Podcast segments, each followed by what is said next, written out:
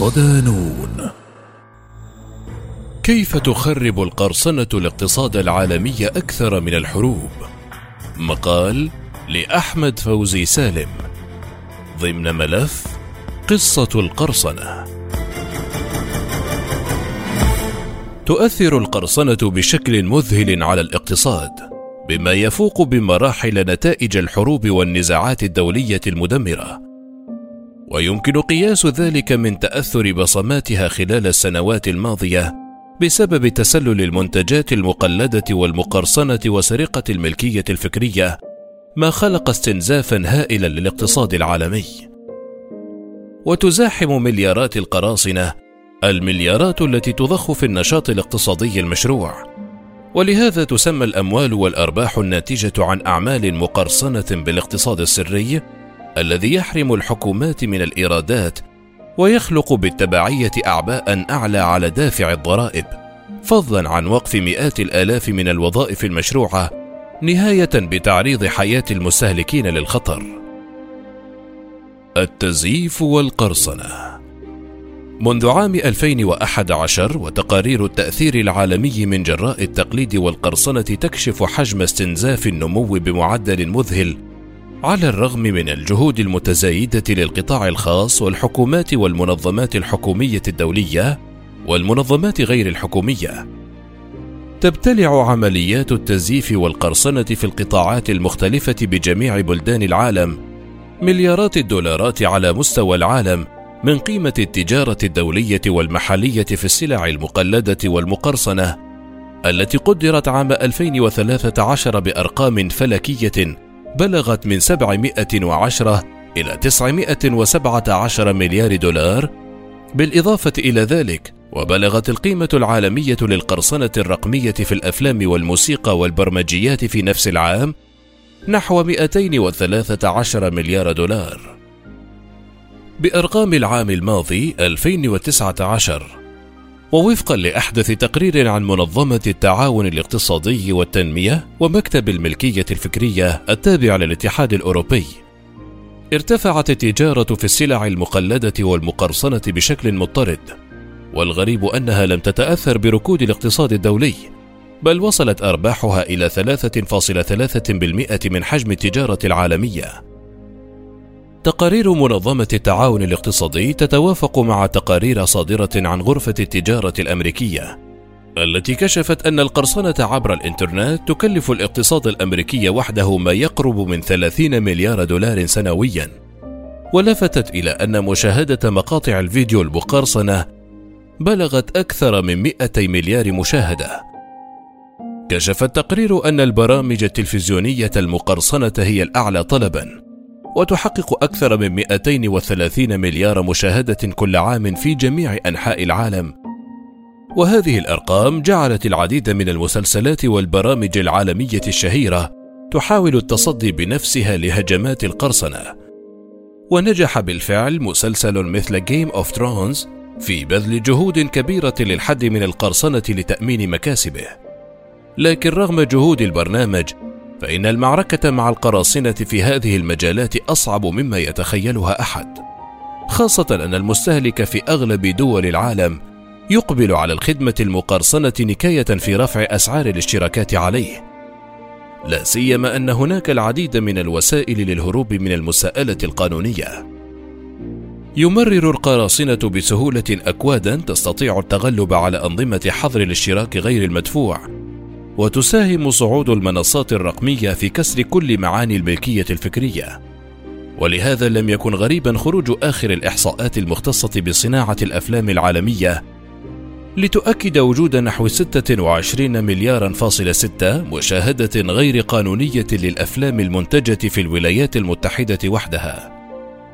في الاتحاد الأوروبي الأزمة واضحة للغاية، حيث تخسر بلدانه نحو 60 مليار يورو سنويا بسبب القرصنة في 13 قطاعا اقتصاديا رئيسيا وفقا لتقييم دراسة جديدة أجراها الاتحاد الأوروبي.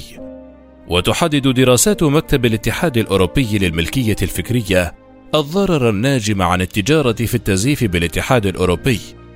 وتكشف أنه يطال كل شيء تقريبا لا سيما مستحضرات التجميل والملابس والسلع الرياضية والألعاب والمجوهرات وكذلك المشروبات الروحية والنبيذ أو الأدوية أو الهواتف الذكية.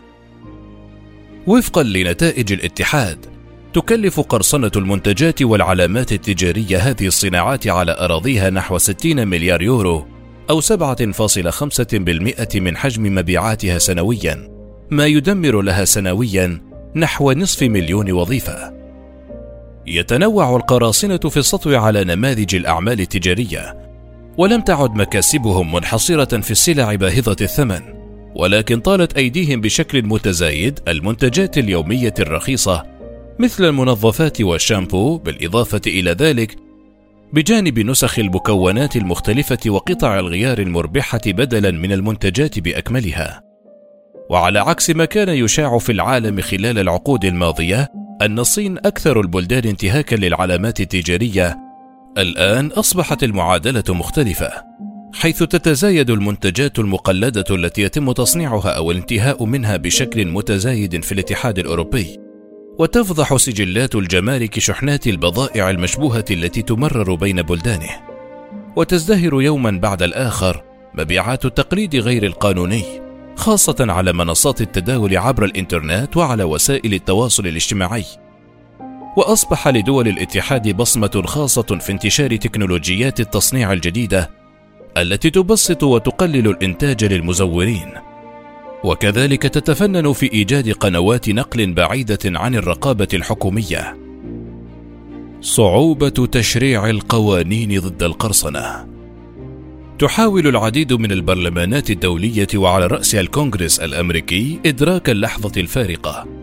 وتسارع بعمل مشاريع قوانين مختلفة مثل سوبا وعدد آخر لا يحصى من القوانين في محاولة لوضع حد للتأثيرات الاقتصادية من جراء القرصنة. المشكلة الكبرى التي تواجه المشرع والتنفيذي في الوقت نفسه صعوبة إثبات الأرقام التي تتحدث عنها الدراسات المختلفة أو تتبع مصدر البيانات وربط ذلك بالانخفاض الملحوظ في الإيرادات العالمية من الصناعات المختلفة.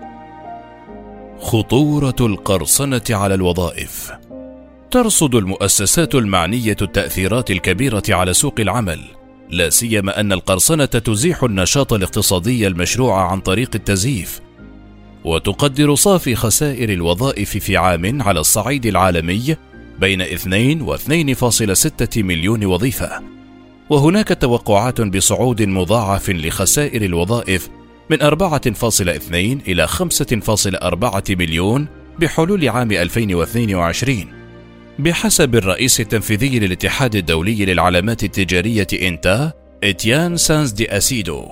ويجمع اتحاد إنتا أكثر من سبعة آلاف منظمة عالمية بدءا من الشركات المتعددة الجنسيات الكبيرة والشركات المتوسطة والصغيرة مرورا بالجامعات والمراكز البحثية المعتبرة ولهذا يتوقع الاتحاد زيادة المنتجات المزيفة داخل التجارة العالمية خلال عام 2022 إلى نحو 5% من إجمالي الدخل العالمي، ما سيؤثر بالطبع على جميع قطاعات الأعمال في أنحاء العالم كافة.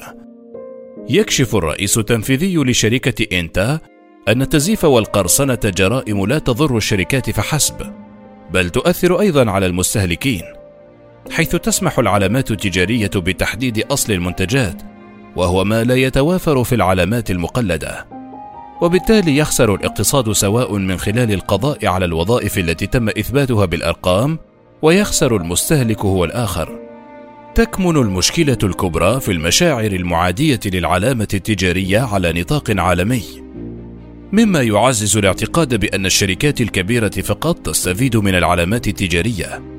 وهذه الأفكار والقناعات تتناغم مع صعود الشعبوية التي لا تدرك ماذا تعني العلامات التجارية سواء للشركات الكبيرة أم الصغيرة والمتوسطة ولا تعرف تأثيرها على سوق الوظائف.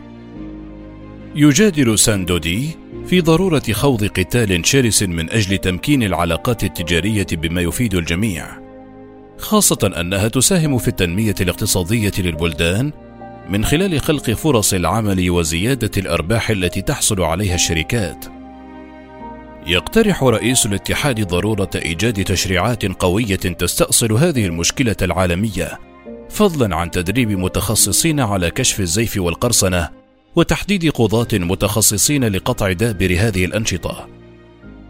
وخاصة القرصنة الرقمية التي تحتل نصيب الأسد وتسببت في فقدان ما يصل إلى مليون ومائتي ألف وظيفة وفقا لدراسة قدمت في بروكسل من نقابات وممثلين عن الصناعات الإبداعية. وتتوقع الدراسة خسارة مضاعفة لهذا العدد إذا لم تتغير قوانين الحماية الفكرية حتى تصبح أكثر مرونة بحيث تلعب على أخطاء القراصنة وتغلق لهم الثغرات التي ينفذون منها. التعاون العالمي بين الصناعات والحكومات لتوعية المستهلكين بمخاطر القرصنة إلى جانب التوسع في الخيارات القانونية للتعامل مع حالات التعدي والتوعية بضرورة الحد من هذه الآثار السلبية لا يتضارب أو يتناقض مع أهمية الاستمرار في العمل بطريقة إبداعية وبناءة لتمكين الحالمين والمبتكرين والمبدعين في جميع أنحاء العالم ولكن بآليات قانونية وأخلاقية ومشروعة.